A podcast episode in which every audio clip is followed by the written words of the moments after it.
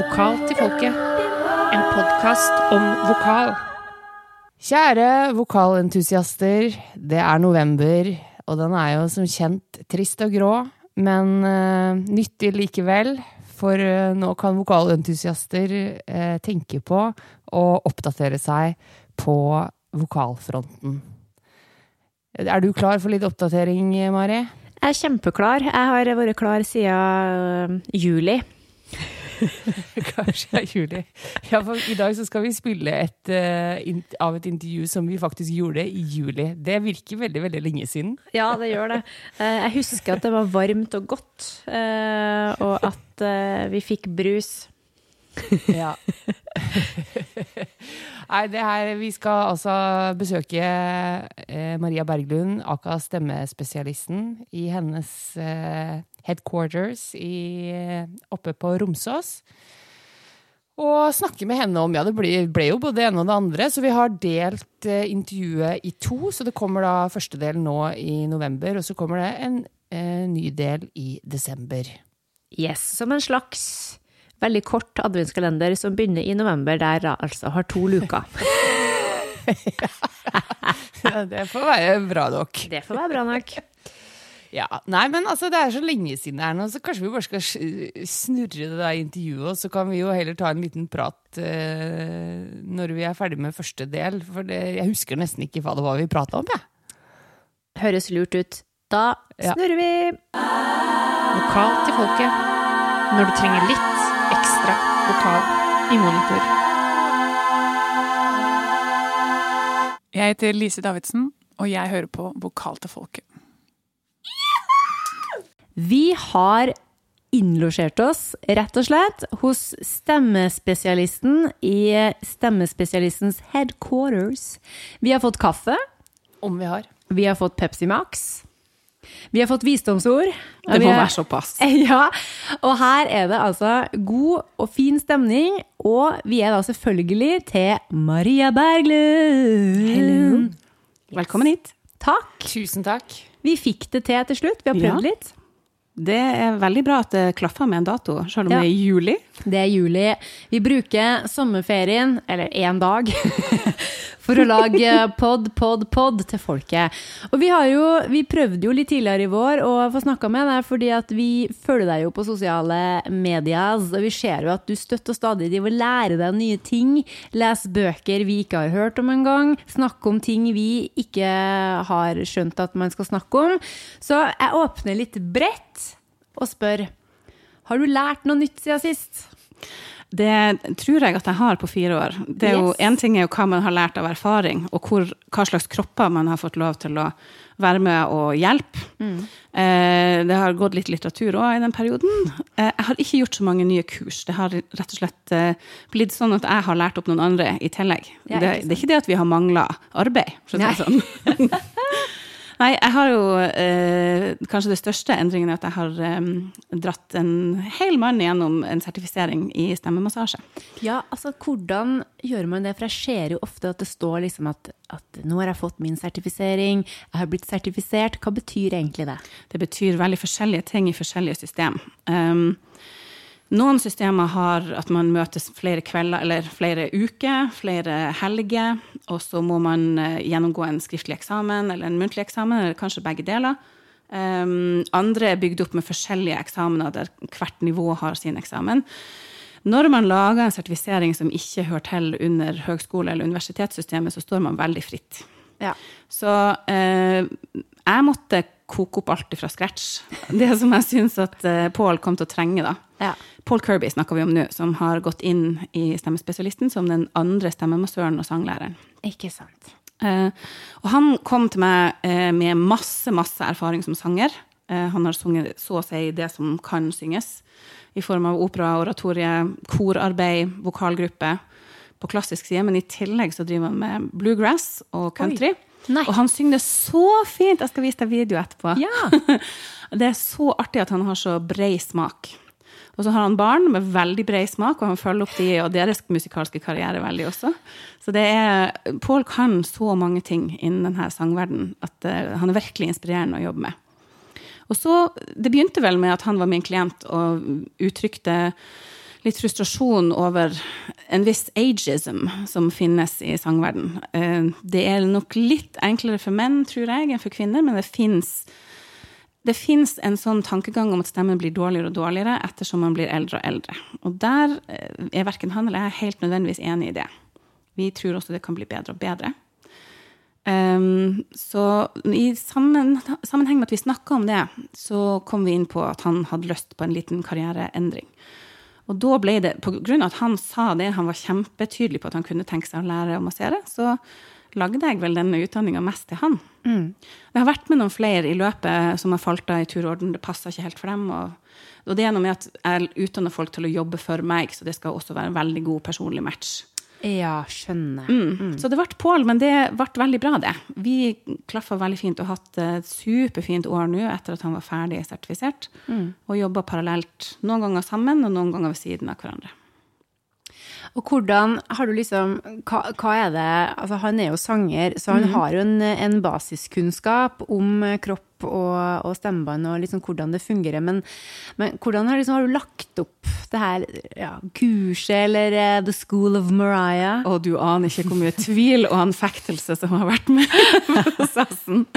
Uh, jeg har hatt uh, massiv eh, eh, Og hva heter det når du tror at du ikke kan det du egentlig kan?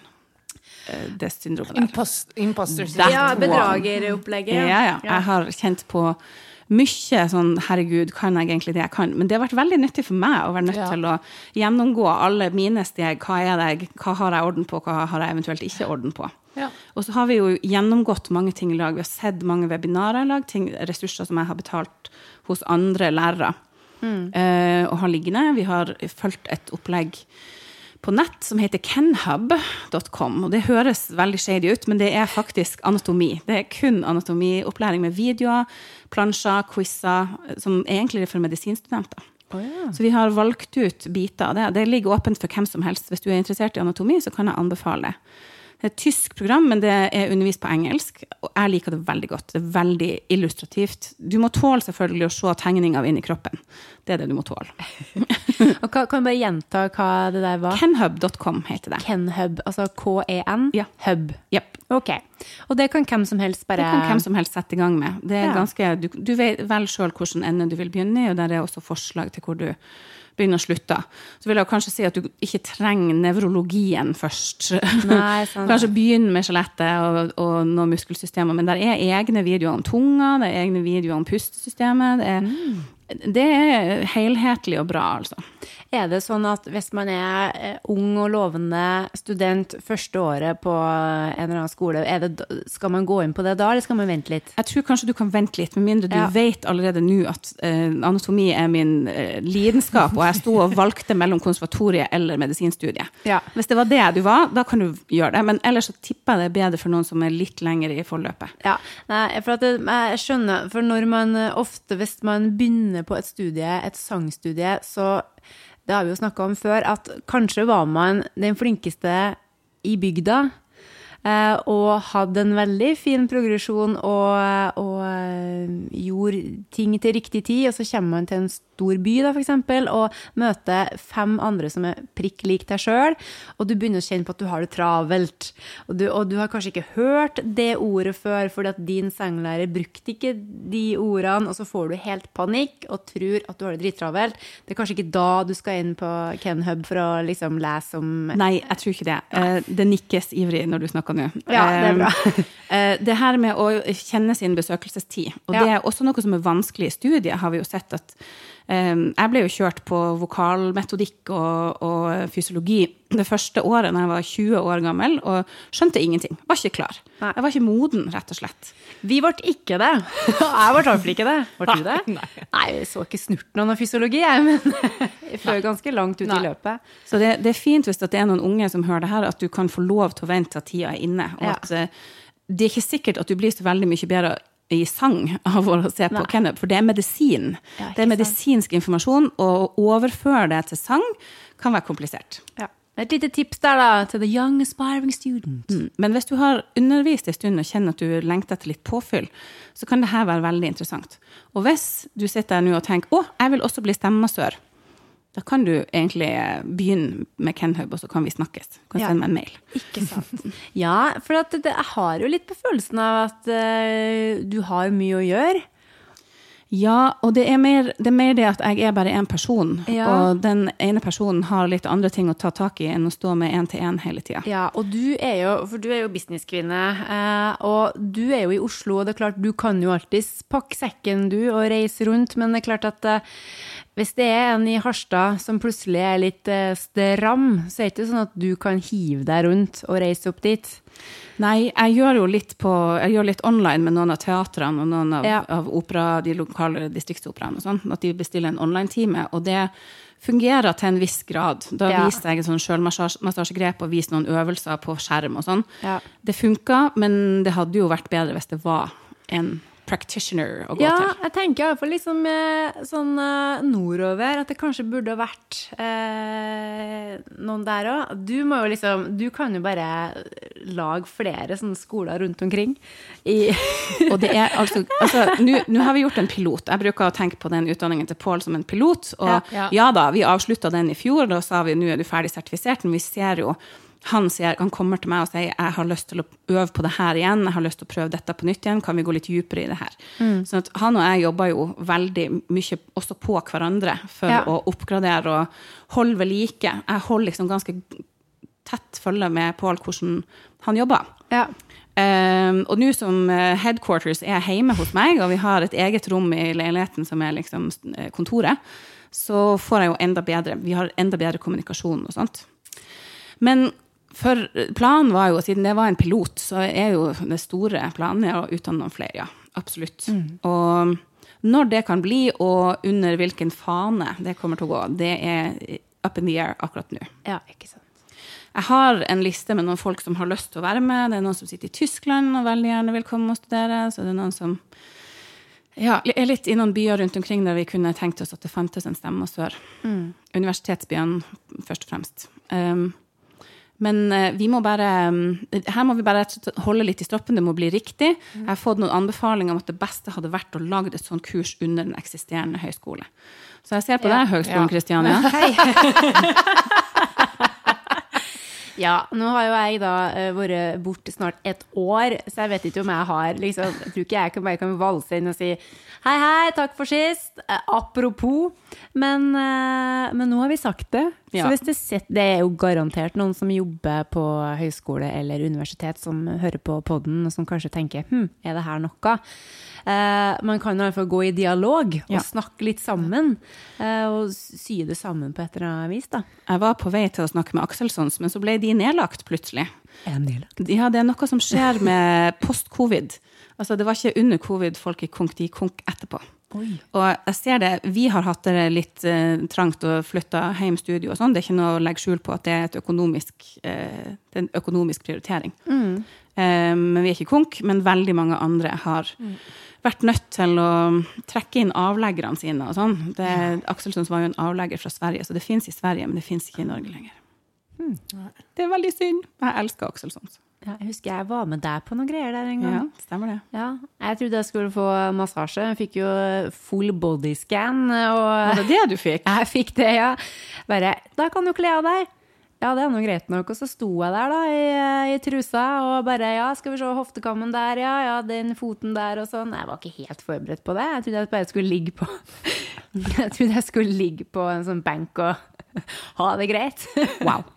Men, Ok, uh, så vi kan bare si det sånn at det trenger du ikke når du kommer hit. Du slipper å kle av deg i første omgang.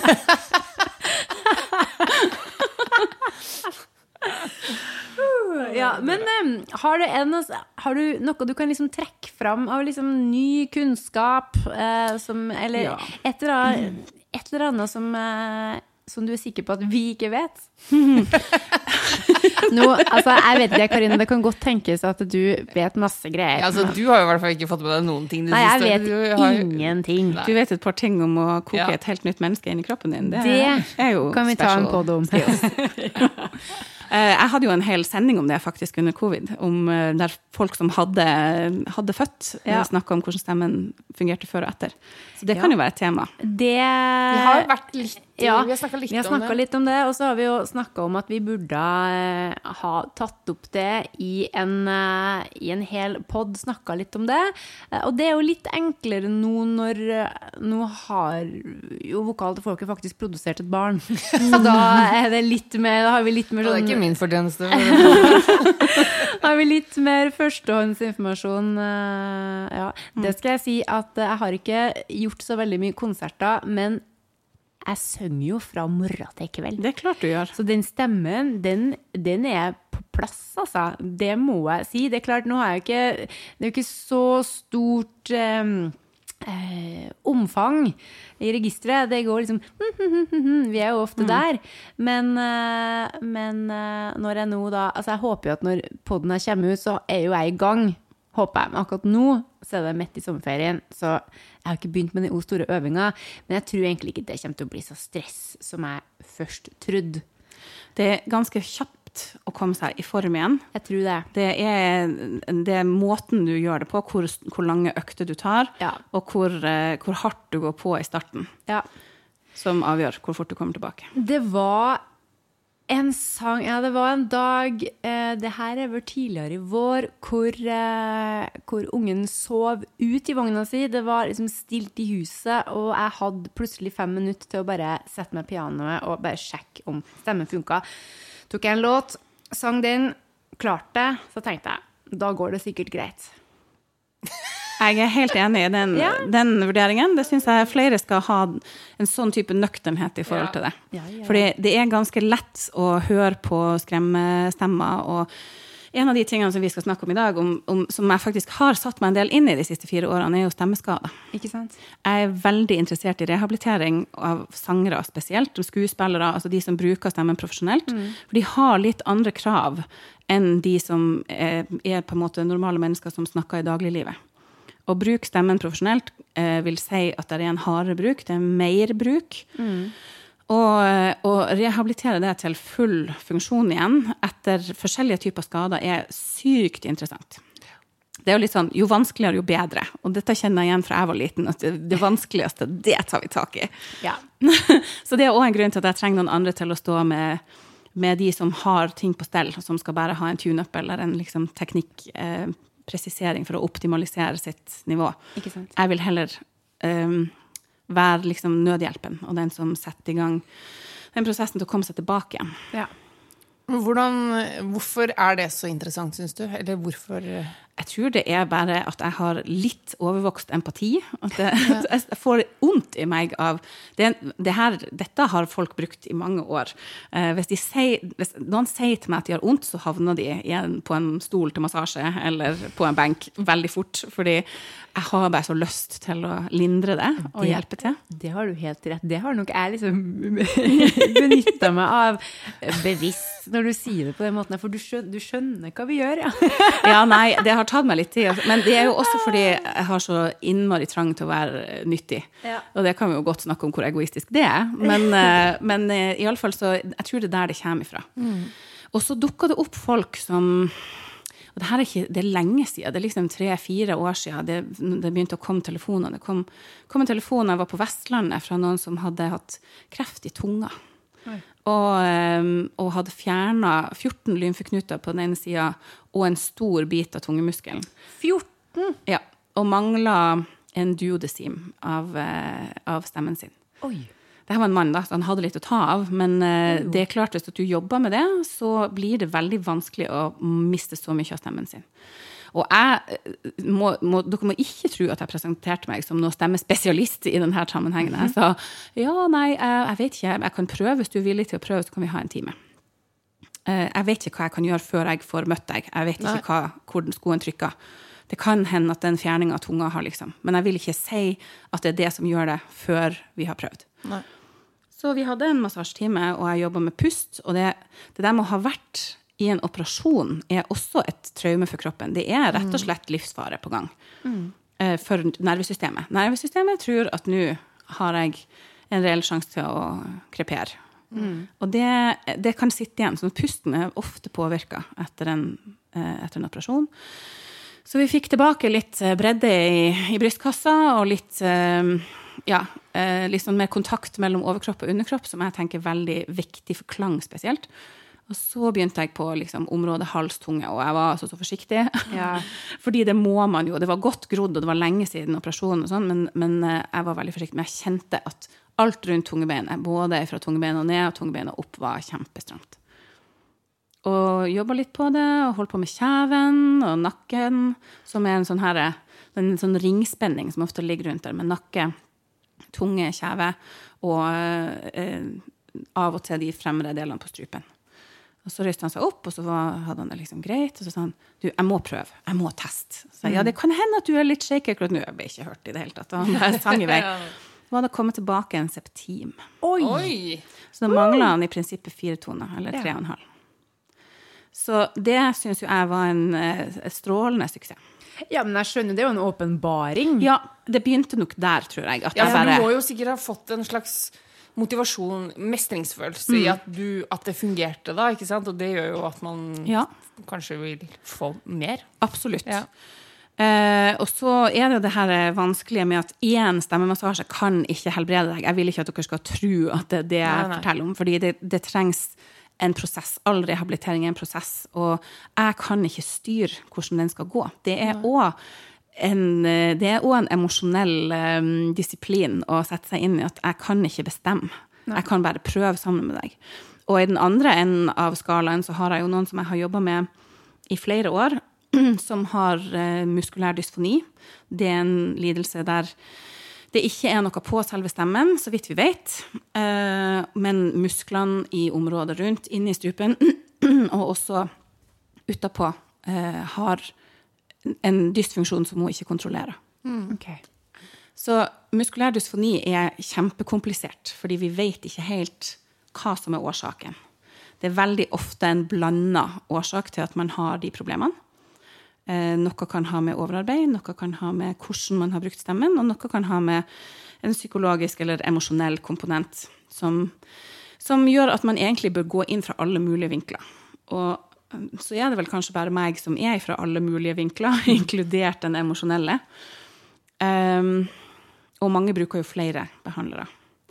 Uh, men hun her uh, jobber jeg fremdeles med, og vi har ikke knekt koden enda. I perioder er stemmen der, i perioder er den der ikke. Og det er uh, frustrerende for henne, og det er frustrerende for meg, for jeg skulle gjerne visst hva jeg skulle gjøre.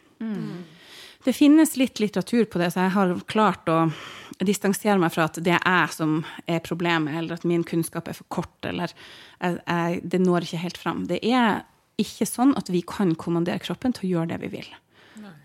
Det, der var det hadde vært nyttig å være lege, da. For de tror jeg lærer det veldig, veldig veldig fort. At eh, vi, kan, vi kan prøve, og så er resten opp til systemet. Om systemet er klar for å leges.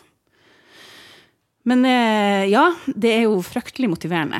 Vi prøver fremdeles. Vi holder på å kaste verktøy på og se hva som what sticks. Ikke sant? Ja, så Det er jo nesten en litt sånn forskningsgreie for din del. Eller det er sikkert derfor det er litt ekstra interessant, fordi du hele tiden må lære nye ting, og du må finne, Ja. finne nye veier.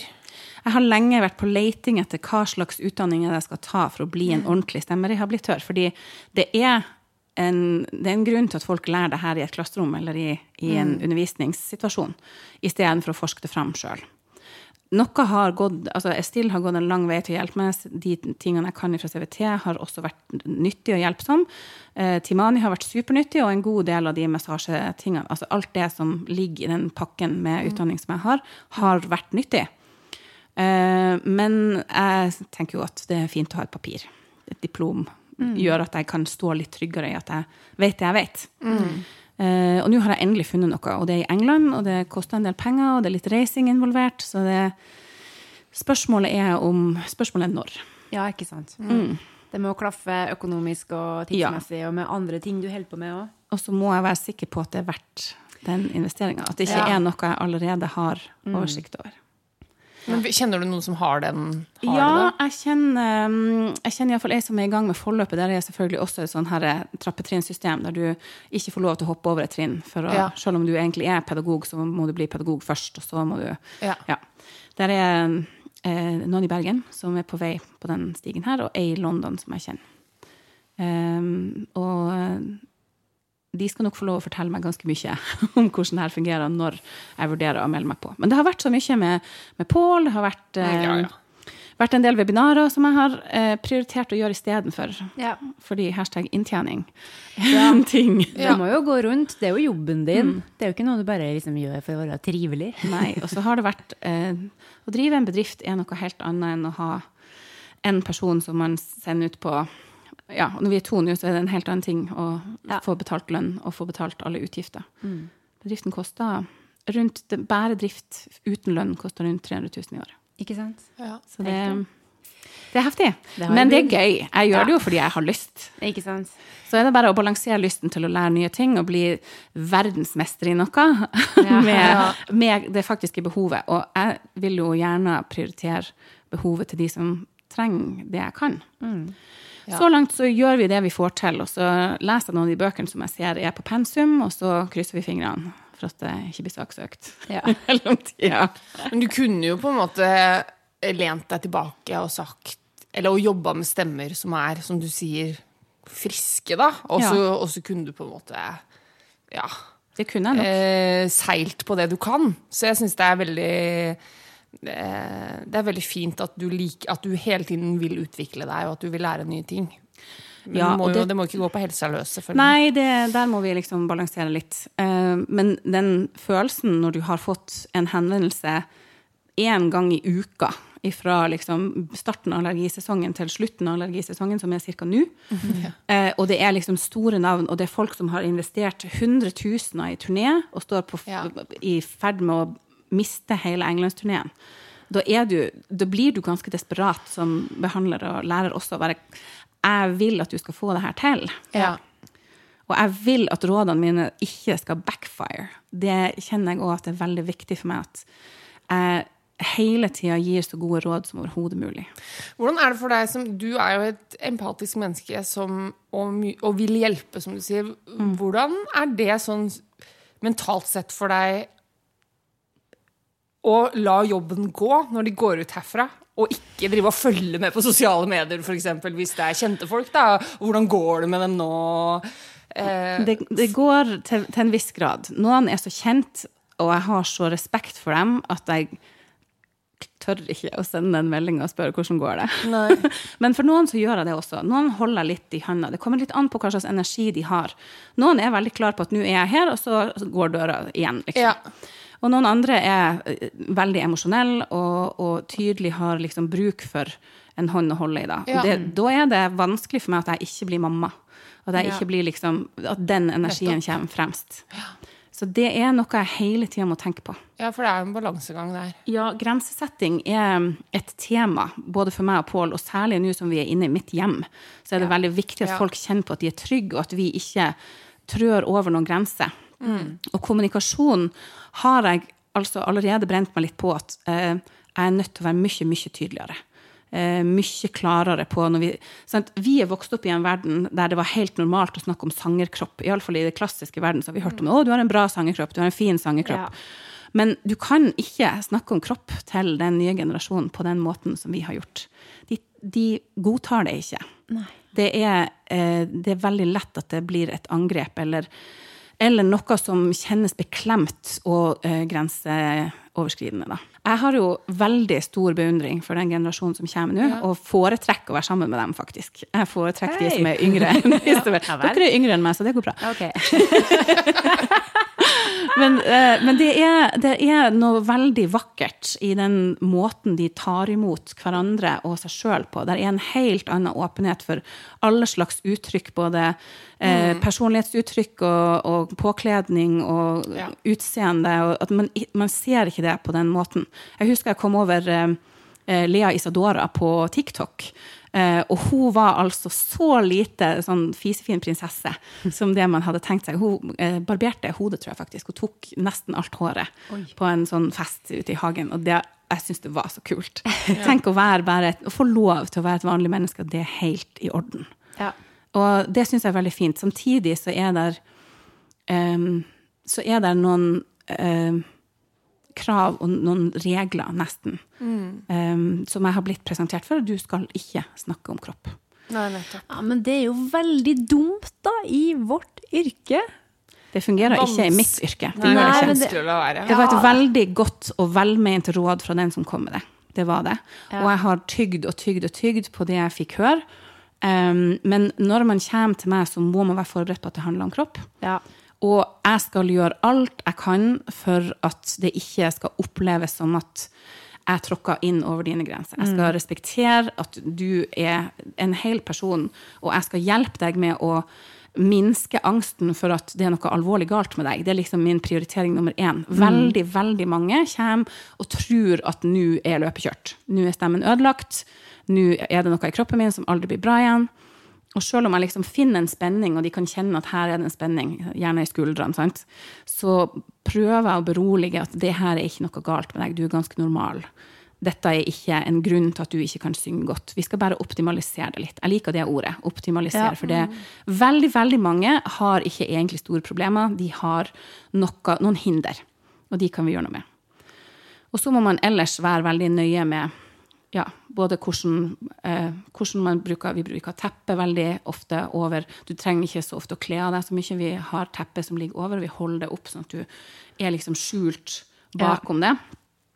Og en Ja. del sånne her ting som, som vi bare har vært nødt til å stramme inn for å være mer i i tråd med tida, da. Ja.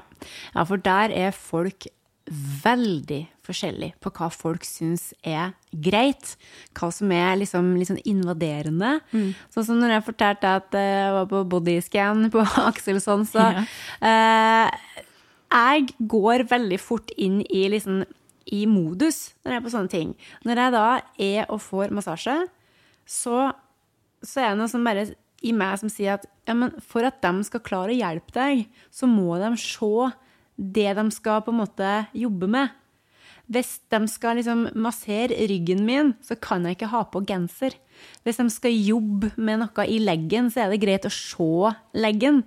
Jeg blir veldig sånn, selv om jeg ikke Jeg syns ikke det var så veldig stas når det kom litt bardust på at jeg skulle stå der i trusa, men så tenkte jeg her er det et menneske som har sett en kropp før, og som ikke ser på kroppen min som liksom, Ja vel. Men hun ser på det som Det her er liksom det jeg skal jobbe med.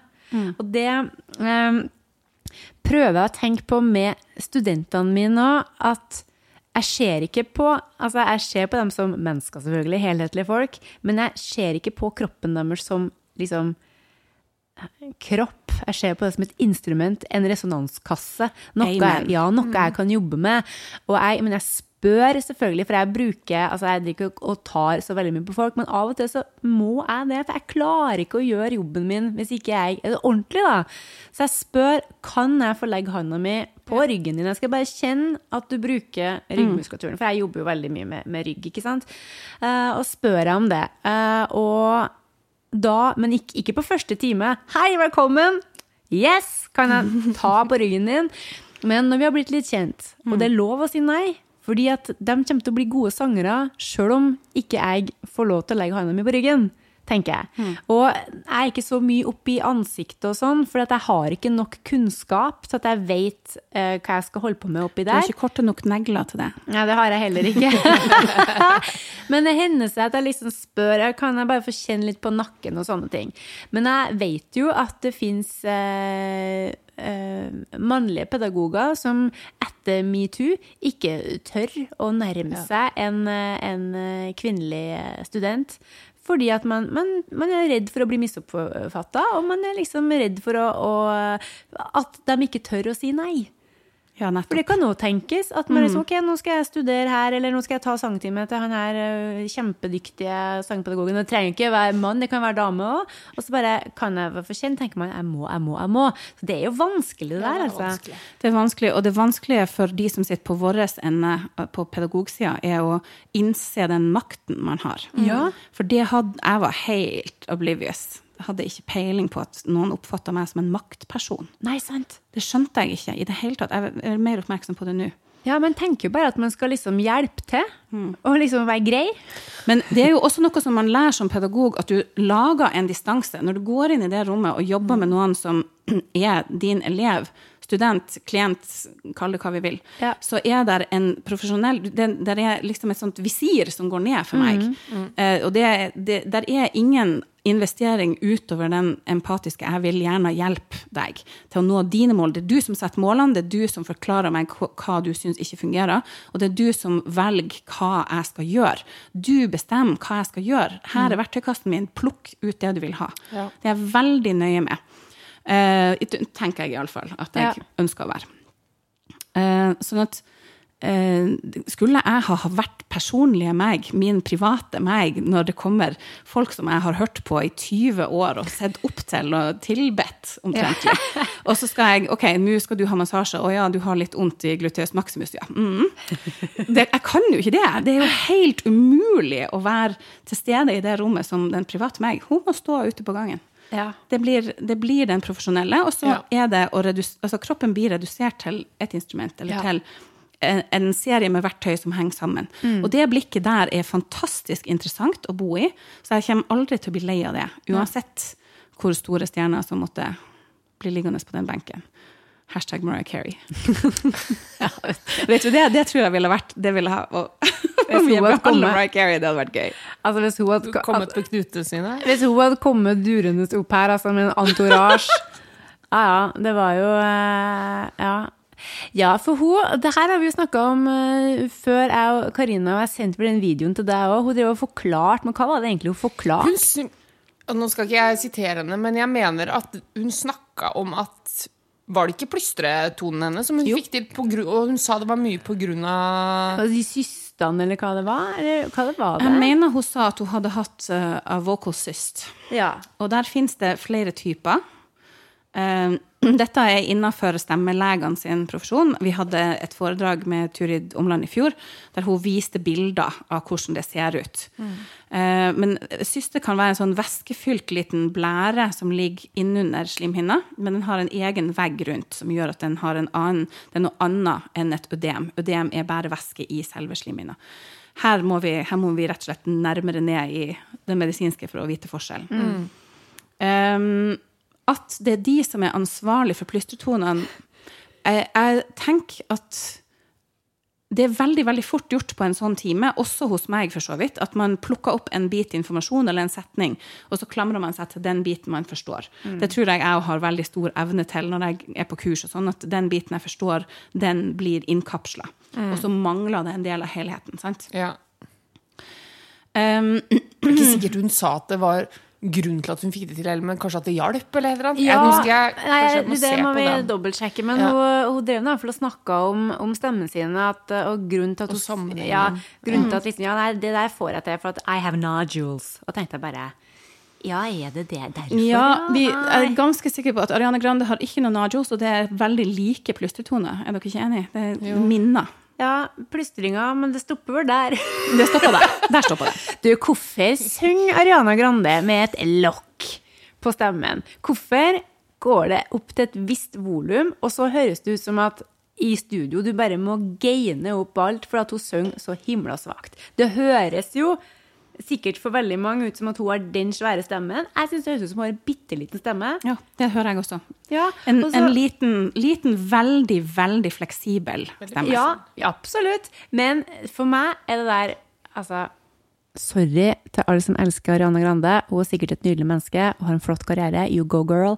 Men det der er tøysestemme for meg, altså. Å nei, jeg liker det. Ja, jeg du, ja, spiste du opp med skje. ja, men du liker jo alt sånt der. Du liker veldig mye rare greier, og det kommer fra meg, som egentlig liker alt. Eh, jeg skjønner hva du mener, og Ja. jeg tror at det er noe mer inni der.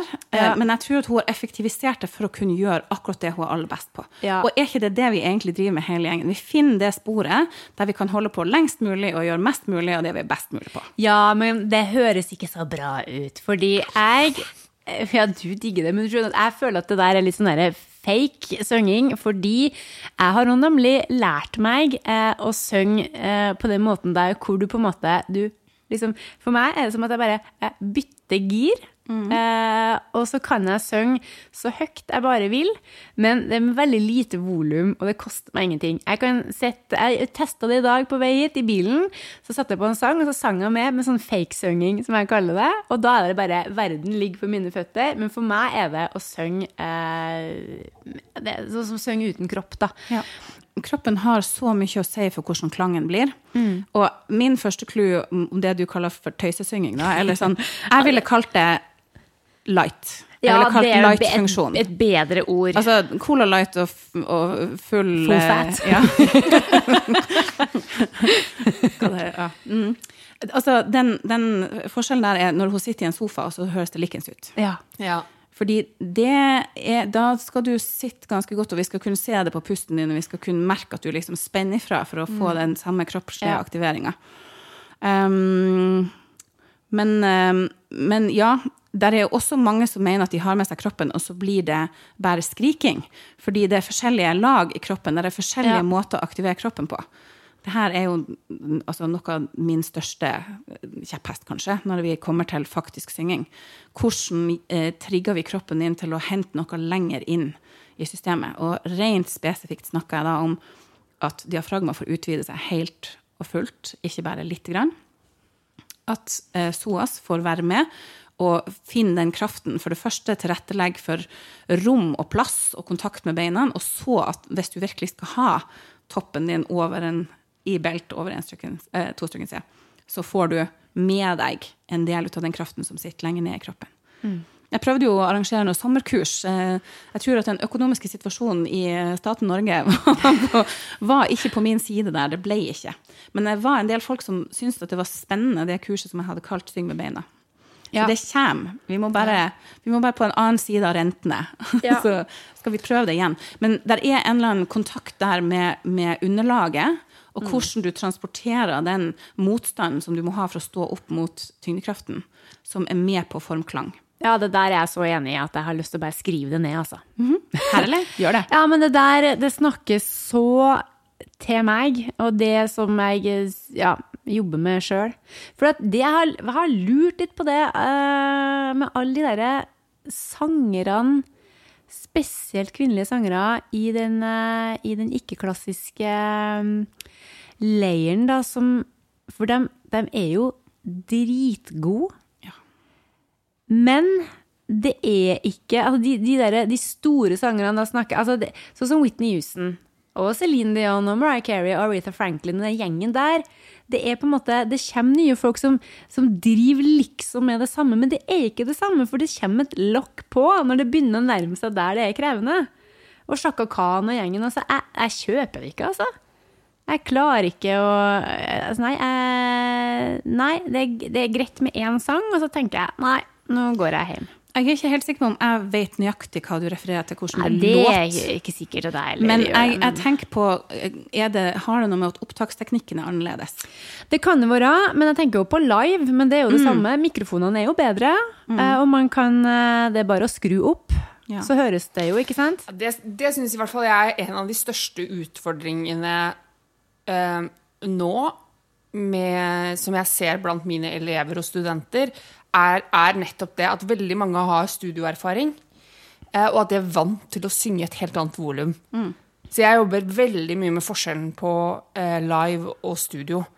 Og det er, jeg bruker mye tid på å, å si OK, men nå er vi live. Nå er vi live. Ja. Kan, du kan ikke synge i det volumet. Du, det, altså, du kan ikke synge med den lyden. Nei. Det, det, det kommer ikke til å gå igjennom. Det handler ikke om at du skal synge deg i hjel. Eller at du, du skal jo ikke gå den andre veien heller. Men du skal Men nå ut i Det skal, rommet. fylle, det skal fylle rommet. Jeg snakker veldig mye mer om det nå enn jeg gjorde for ti år siden. Ja. Helt Jeg eh, får jo en del folk Jeg har vært inne på den delen av Høgskolen Kristiania som var Westerdals før, og jobba med popsangere. Jeg skal gjøre det til høsten også, det gleder jeg meg veldig til. Eh, for de er veldig mottagelige. Men der er helt klart noe underkommunisert i forhold til hva man trenger av kropp. Ja. eh, I noen spesifikke sjangre, særlig pop. Ja. Eh, og nå er vi jo Vi var jo inne på det med at den nye generasjonen har et annet forhold til eh, hvordan man kan se ut.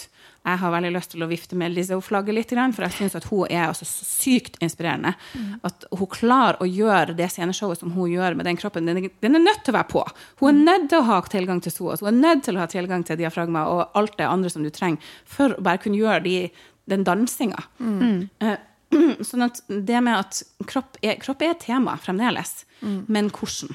Hvis du, ikke, hvis du har stort sett sitt- sittet mest med gitaren din og sunget inn i en mikrofon som er omtrent like nær som den mikrofonen her er, Og den er nær. Um, fordi det er annerledes. Det er, Ja, det er annerledes. annerledes. Projisering og sånn som klassiske sangere begynner med fra dag én, at du må høres på bakerste rad og sånn. Ja.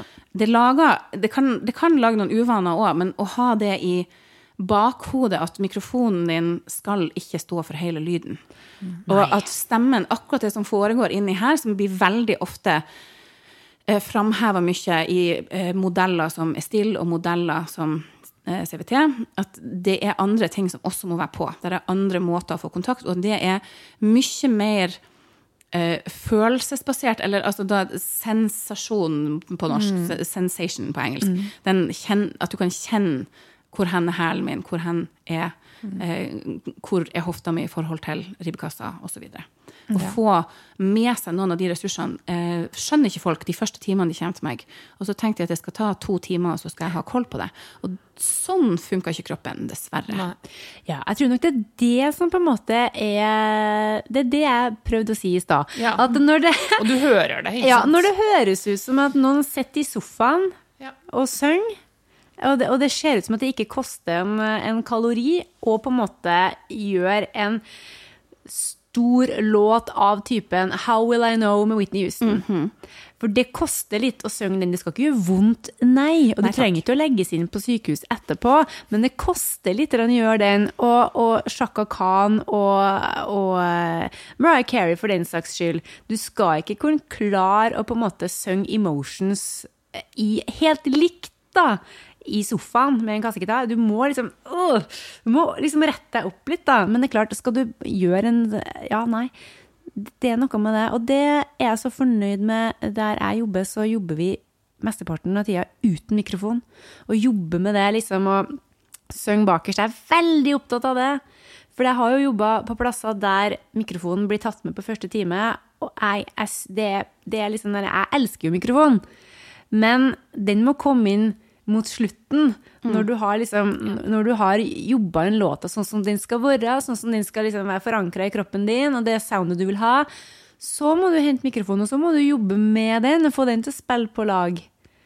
Ja, det der ja. Det, det betyr jo ikke at alle låter trenger like mye kropp, da. Nei, nei. det er ikke alt som trenger like mye volum, så det er jo veldig sjanger, sjangeravhengig. Men du skal kjenne det først akustisk, syns Ja. jeg. Mm, helt enig. Kjenne hvordan Her trenger vi kanskje ikke så mye volum, her trenger vi ikke så mye kropp, eller eh, her må du jobbe på, og her, eh, her må vi gire om. Ja. Og så må du kjenne det akustisk først, og så ehm, Ja. Og så kan du sette på For det er så lett å bli lurt da, når Mm. den mikrofonen kommer på. Den kan jo være til hjelp, og det kan jo være en bra ting, det. Men, eh, men du skal ikke bli lurt. Jeg har et spørsmål om autotune, for det har jo jeg null erfaring med. Hashtag ingen studioarbeid. Jo, jeg har gjort én studiosession med noen, og da var jeg helt sjokkert over autotune, hvor mye den endra på ting. Ja. Klangen på altså Det var selvfølgelig noen flere filter som var lagt på, jeg skjønner det, men, men at det var eh, veldig, veldig stor forskjell. Fra, fra det live-resultatet ved siden av mikrofonen der jeg sto, og det som kom ut når eh, teknikeren var ferdig med å skru. Men eh, kan noe av det være ansvarlig for det lokket? Jeg tror kanskje det har mer å gjøre med kompressor, kanskje. At når, det legges på. Men altså, det er klart, hvis du tuner veldig Altså hvis det skal være Hvis man er nødt til å bruke veldig mye autotune Men sang vedkommende med autotune, altså var det på hele veien? Nei da. Opptaket, det- opptaket var eh, et råmateriale, og det her var en, en veldig ung person som, Ja. eh, som fikk veldig mye line å gå på. Det var, ikke noe, det var ikke noe kjefting eller noe sånt. Det var, jeg var med som emosjonell støtte, hovedsakelig. Ja. Uh, Så men det ble lagt på etterkant Ja. på ja. enkelttoner? Ja. nei, jeg vil vel si at det var vel pitcha Gjennomgående. gjennomgående en halv tone høyere. Å ja. Ja, Ja, da vil det jo påvirke ja klangen. absolutt. Ja. ja, det vil det virkelig gjøre. Autotune er jo et veldig, veldig fint redskap, syns jeg, hvis det er snakk om å på en måte bare Altså hvis man har levert tidenes take, og så er det én plass, én plass, og det går ikke an å klippe det ut. Det går ikke an. Du gjør det på nytt, men det blir ikke det samme, for du mister hele nerven i det. Da tenker jeg Altså, er det live, så kan du bare la det gå. Men hvis det, måte, hvis det, hvis det er sånn at det ødelegger, det ødelegger for alt om den ene tonen ikke bare vippes opp, så tenker jeg ja, men da gjør vi det. Ja. Hurra, da vipper vi det opp. Men hvis det er sånn at man nesten må begynne å bryte ned liksom hele fila og om altså, og flytte og styre på alt, ja, da er jeg litt usikker på om er det her riktig bransje for deg? Jeg og Pål satt her og så um, Vi fant den på YouTube, en sang fra sånn 1998-99. Kurt Carr. Ja. Eh, Uh. gospel. Ja, gode gamle Kurt Carr og det gospelkoret hans som jeg har glemt hva heter. Eh, og der, de har en sang som er så spektakulært sur. Uh, og det, og det, det var derfor vi tok den fram, fordi jeg elsker den plata. Den er helt fantastisk. Den heter Awesome Wonder. Og den er liksom den derre gode 90-talls R&B-følelsen kobla med gospel. Og jeg blir helt lykkelig. Jeg blir faktisk lykkelig av den Ja. type musikk.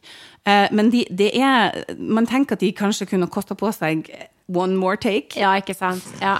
Nei, men altså, jeg er litt sånn Jeg er veldig opptatt av at uh, altså, live så Man må jo Man skal alltid gjøre jobben sin, men det hender seg jo i kampens hete hvis man uh, gjør eksempel litt sånn derre uh, adlibs, at man legger på litt på slutten av en låt i studio og blir litt revet med, og så merker man å, nå, nå havner jeg bitte litt for langt bakpå, eller nå tupper jeg litt, altså at man ligger litt for langt foran, så stemmer for Da kan man òg gå inn og bare justere litt. grann.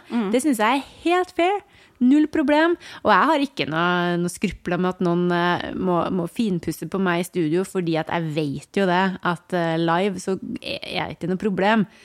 Men, eh, men det tror jeg nok at det er noen som tenker at man skal ikke fikse på noen ting, for det er man ikke god nok. Det ja, mener jeg jeg også er at tull. ja, det, kan, altså, det er helt ok.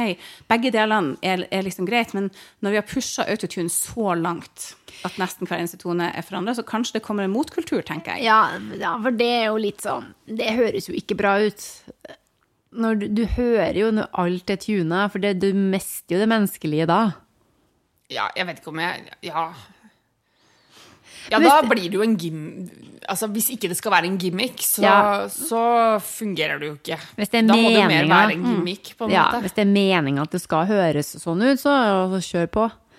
Men det var rart, i en sånn en lun og nær visesang, så kjenner jeg plutselig en setning som er helt Jeg så en serie om akkurat det med autotune, jeg, og når det kom hva, det var, hva Ja, den som ligger på? Netflix. Ja, jeg Ja. tror det. Jeg husker òg at jeg har sett uh, Ja. den, ja. Det var ganske interessant, hele Mhm. det opplegget der. Men vi må finne ut hva det var. Det, må vi, det er mye vi må finne ut, sånn som alltid. Når vi Som spiller i denne alltid. podden, og så legger vi ut link, og så gjør vi ikke det. Nei, men jeg, jo, jeg tror jeg gjorde det sist, sist når vi snakka om uh, hun godeste Idina. Ja. Så la jeg ut det ene og det andre. Ja, da var det jo leks, så det skulle bare Ja, ja men eh, med hun favoritten min og litt forskjellig, da gjorde jeg faktisk noe. Ja. Men det var vel òg fordi at jeg skjønte at det ble ikke gjort noe på ganske mange måneder.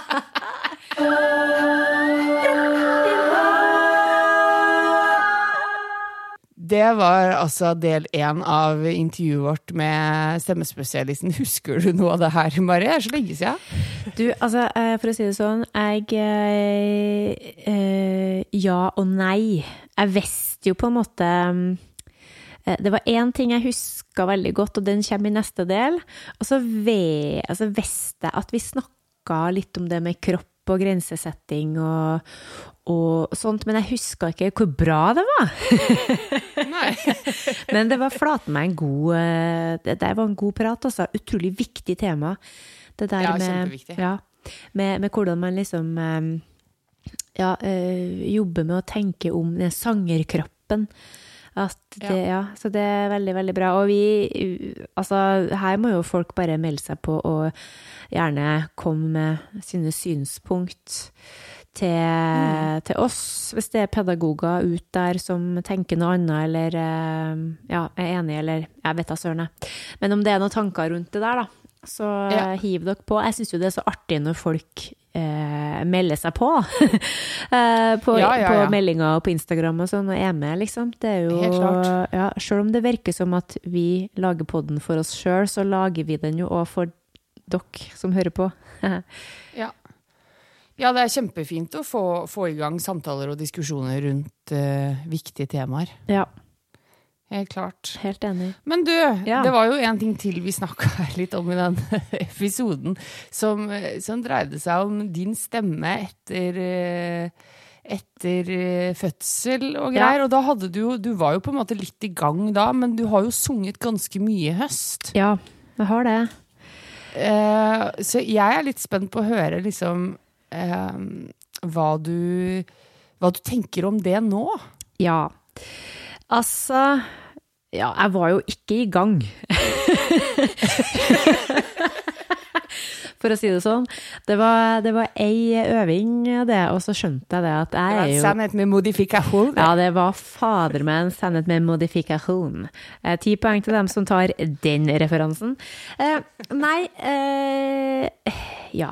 Nei, altså Jeg hadde jo eh, Jeg hadde jo en ganske lang permisjon, eh, og jeg sang nesten bare barnesanger og litt sånne ting. Og så ja da, det stemmer jo at jeg av og til liksom sang noen eh, låter for meg sjøl, men det var sanger som jeg kunne. Eh, og da gikk det veldig bra.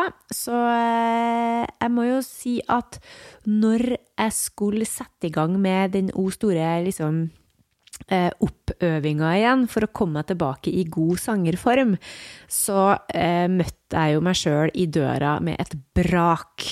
Først, altså, ja, jeg hadde jo Jeg begynte jo i august. Jeg skulle liksom øve meg opp til konserter i november. Eh, og vi skulle øve eh, med det bandet som jeg er med i da. Vi skulle øve Vi skal ha øvingshelg i september, i oktober og ei i november, og så var det eh, konserter, da. Ehm, og så er det på en måte Det blir en sånn todelt greie, det her, da. Fordi hvis jeg skulle ha jobba med, med musikk som ikke var så veldig krevende for en sånn type sanger som meg, så hadde det nok gått ganske raskt tilbake i god form. Men jeg skulle jo jobbe med, med repertoar som ikke er skrevet for meg. eh, Og med det mener jeg det at nå har jo jeg stort sett skrevet mine egne sanger, eller jobba i andre typer band der jeg bestemmer toneart, jeg som bestemmer fraseringa, sånn at jeg har alltid liksom lagt opp ting til der jeg høres best ut, og til der jeg kan fungere uansett, på en måte. Men nå skulle jeg jo inn i et repertoar som var bestemt for meg. Det var låter som var Enten så var det skrevet for helt andre sangere, eh, fra en helt annen sjanger. Eh, eller så var det nyskreven musikk som ikke var skrevet med en spesiell sanger i tankene, da. Bare liksom Bare komponert musikk. Um, og det her, ingenting, ingenting av det her lå så veldig godt til meg, da, i utgangspunktet. Eh, faktisk ganske katastrofalt. Og jeg var så sur, for at når jeg hadde Når jeg har prøvd å forklare andre sangere hvor vanskelig det her var, så fikk jeg ikke noe som helst sympati. Jeg fikk bare slengt i trynet 'ja, men det får du til'. Og da ble jeg så sur. Jeg ble så sur fordi at, fordi at jeg jeg skjønte ikke hvordan jeg skulle få det til. Altså, jeg forsto ikke, jeg forsto det ikke. Altså, jeg var på, jeg var på øving, eh, altså med meg sjøl, da, eh, egenøving, og eh, det hørtes ikke noe bra ut. Og det var rart, jeg skjønte ikke hvordan jeg skulle gjøre det. Så jeg måtte bare Og da, da gjorde jeg det som jeg ville ha sagt til en, eh, en student. Så ville jeg sagt at du må jobbe med Du må bare strekke registeret, du må jobbe med sånne og sånne type øvelser, bla, bla, bla. Det gjorde jeg. Eh, Funka ikke for meg. Eh, til slutt så begynte jeg å synge eh, andre sanger. Eh, altså, til slutt det, Vi må huske på at det her er snakk om øving nummer to, da. For at jeg er jo Han har sunget i ganske mange år, og har nå vært pedagog i ganske mange år, så, så at jeg kan jo en del ting, da, om det her. Men uh, på øving nummer to så satt jeg og sang True Colors, liksom. For at jeg måtte bare huske på hvordan det var, en sang, en fin sang. Um, og så uh, fortsatt så gikk jeg jo inn i det her og eh, Altså, det materialet som jeg har vært med og spilt inn, det, eh, det er veldig krevende, men der visste jeg at det handla bare om å på en måte komme i gang igjen. Men det, det andre materialet som er skrevet til andre sangere enn meg, det ja, nei, jeg skjønte, jeg skjønte ikke hvordan jeg skulle få det til. Jeg har eh, tatt lydopptak av hele prosessen. Jeg har til og med filma meg sjøl for å på en måte eventuelt gå tilbake og se om jeg kan se noe utenifra på liksom kjeven og sånne ting. Eh, men jeg prøvde å liksom gå inn i det universet som de sangerne før meg har jobba i. Men så kom det på en måte Fikk jeg en åpenbaring da jeg var på første bandøving. Eh, hvor jeg på en måte skjønner at jeg har helt feil inngang i det her. Eh, fordi hvorfor skal jeg egentlig eh, Hvorfor skal jeg inn i en annen Hva skal jeg si Hvorfor skal jeg inn i en annen type å være liksom, En annen måte å være sanger på? Hvorfor skal jeg det når jeg egentlig er ganske god på det jeg kan, hvis du skjønner? Ja, ja, ja. Eh, og så begynte jeg bare å tenke sånn så at ok, nå har jo jeg hele livet visst hva jeg har lyst, hvordan jeg har lyst til å høres ut. Jeg har, når jeg kikker på de sangerne som jeg ser opp til, som jeg digger, så er det på en måte en viss type estetikk og sound. Uh, og hva er det jeg har gjort da? Hva, hva er det jeg har studert? Jo, jeg har studert rytmisk musikk. Og jeg vet at veldig mange syns at rytmisk musikk er et teit begrep. Ja, det kan jeg være enig i, men det er det som står på mine vitnemål fra konservatoriet. Så står det at jeg har uh, tatt så og så mye utdanning innenfor rytmisk vokal. Jeg har en mastergrad i utøvende rytmisk vokal. Så da må jeg klare å gjøre det. Da, altså da, da fikk jeg en helt sånn ny måte å tenke på når jeg gikk på øving. tenkte jeg, jeg kan det her, jeg må få det her til å fungere på min måte. Jeg kan ikke bli en annen type sanger. Jeg er bare nødt til å, jeg er nødt til å bli, jeg er bare nødt til å være meg sjøl og gjøre det her på min måte. Ja. Og da gjorde jeg det som jeg ikke nødvendigvis vil anbefale andre sangere å gjøre, med mindre de òg har liksom har sunget Eller ja, sunget i 30 år, da, som jeg føler at jeg har gjort. Eh, jeg bare peisa på, jeg. altså, jeg, jeg, jeg føler at jeg skre... Ja, men jeg føler at jeg nesten skremte en kvint inn i, inn i registeret, altså. Og da er det da er det snakk om at jeg da eh, tar utgangspunkt i, i snakkestemmen over hele fjøla. At jeg ikke liksom går via noe sånn klassisk sangideal som jeg kanskje trodde jeg måtte, men at jeg heller bare gønner på. Uh, og det Altså, det, det er jeg skal ikke være så altfor teknisk og spesifikk på det her, fordi da blir det kjedelig. Og det her er jo heller ikke en podkast om mitt register. Men jeg har øvd veldig mye. Jeg har stått i planken og sunget eh, dritvanskelige parti. Jeg hoppa opp og ned. Har øvd terpa jevnt og trutt. Nå har jeg heldigvis en eh, undervisningsjobb der det av og til er en fritime eller en halvtime her og halvtime der. Da har jeg gått inn på et øvingsrom og bare jobba på. Eh, jeg har eh, ikke fått nok søvn.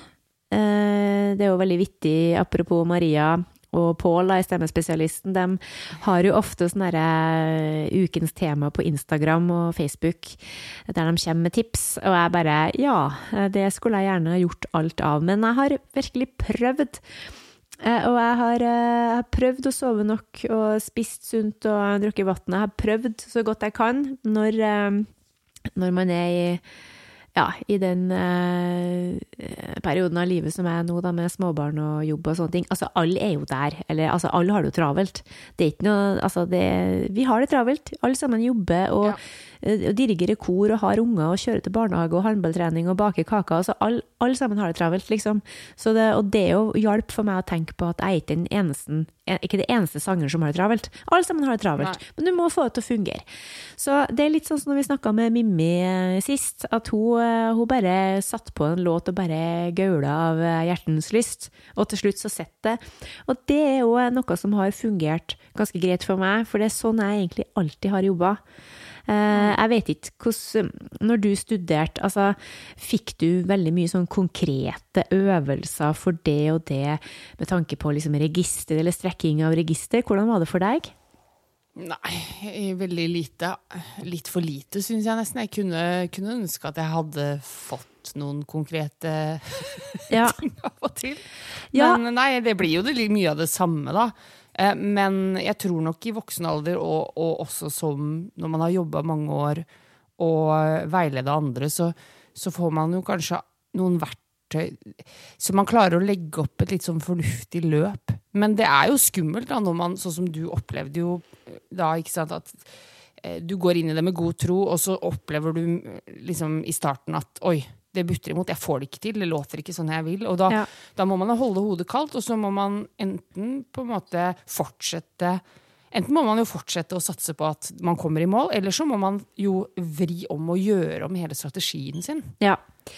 Ja, nei, altså jeg har uh, I de uh, seks åra som jeg tok uh, høyere utdanning, så gjorde jeg veldig, veldig lite tekniske øvelser. Det var mer fokus på rytmikk, rytmikk, rytmikk, rytmisk frasering, eh, underdeling, polyrytmikk, frasering, hvordan man skal tolke en låt, eh, hvordan man skal bevege seg mellom sjangere. Og jeg eh, som jobba veldig mye med jazz, jobba jo ekstremt mye med liksom skjemakunnskap og sånne ting.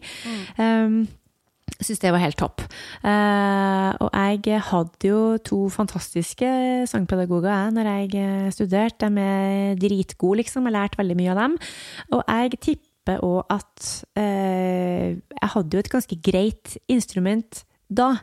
Eh, Jeg har aldri hatt så veldig mye problemer med, liksom, med hornet, så jeg tenker nok at de òg bare ville fortsette å videreutvikle meg. Fordi at jeg kom jo aldri med noe sånne, noe, jeg kom jo aldri med sanger som jeg ikke fikk til, for jeg jobba jo med jazz, liksom, og så tok jeg med egne ting.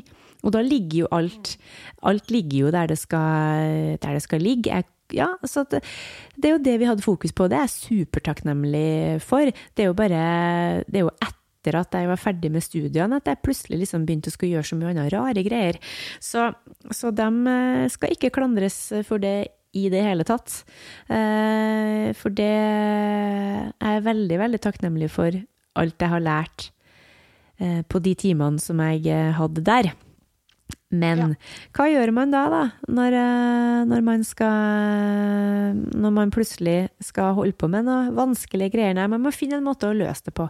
Og som sagt, jeg vil jo ikke at mine studenter skal skal liksom stå og brøle på et rom uten å være trygg på at de har en god eh, kjerne og en god forankring. Altså, eh, og når jeg sier at jeg går og brøler på et rom, så er det snakk om to minutter, og så gjør jeg noe annet. Eh, men det er mengdetreninga jeg er ute etter, da. Det, det er det sant. som er poenget her. At i stedet for å ta ei økt på to timer, så jobber jeg liksom ti minutter her, ti minutter der. Og det var det jeg hadde Ja. tida til òg, i det travle, travle Ja, men det var liksom. sikkert lurt også å Ja. kjøre kortere økter. Ikke sant? Eh, og så Og da fikk jeg det jo sånn som jeg eh, ville. Eh, og nå må jeg jo bare Nå er vi ferdig med det vi skal gjøre i høst, så nå er det bare å holde det ved like, da. Og det er jo som Ja. veldig mange sier, use it or lose it. Hvis ikke jeg holder det ved like, så blir det tungt å komme i gang igjen. Men det er jo, hvis du har en grei teknikk og en eh, stemme som vil deg vel, så skal ikke så mye til før du er oppe og går igjen. Nei, og så handler det jo om å bare løse det. Altså hvordan du faktisk skal gjøre det, og ha en plan. Ja.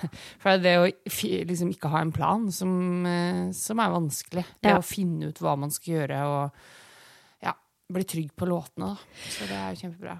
Og så, eh, og til, og så, så er jeg fortsatt litt sånn, jeg er ikke sur, men øh, til alle sammen, altså alle sammen, jeg har ikke snakket med så mange da, men, men eh, dem som på en måte da var litt sånn, ja, men det får du til. Altså, de hadde ikke rett, men så hadde de rett allikevel. Fordi jeg fikk det til, men jeg fikk det kun til når jeg huska hva slags type sanger jeg er, og hva jeg er god på. Da fikk jeg det til. Uh, og det tenker jeg at folk bare må Det kan man huske på. At du Ikke sikkert du kan bli alle sammen, men du kan bli en veldig god deg. Den beste versjonen av deg sjøl, er det ikke det man sier? Nå er vi gode. Jeg tar meg en Ja, ja, kopp ja. kald kaffe. Ja. Du, nå har vi holdt på i år og dag, holdt jeg på å si. Ja, nå må vi legge på. runde her, og så ses vi rett og slett i desember. Det gjør vi. Snakkes! Da blir det pepperkaker og god stemning. Åh, Ja, gleder meg. Ha det! Ha det. Du har hørt Vokal til folkets podkast med Karina Fransen og Mari Klingen. Besøk oss på vokaltilfolket.no, finn oss på Facebook og Instagram, og gi oss gjerne ei stjerne i iTunes. Vi tar gladelig imot tilbakemeldinger, tips og innspill. Så ikke nøl med å sende oss en melding. Vi snakkes!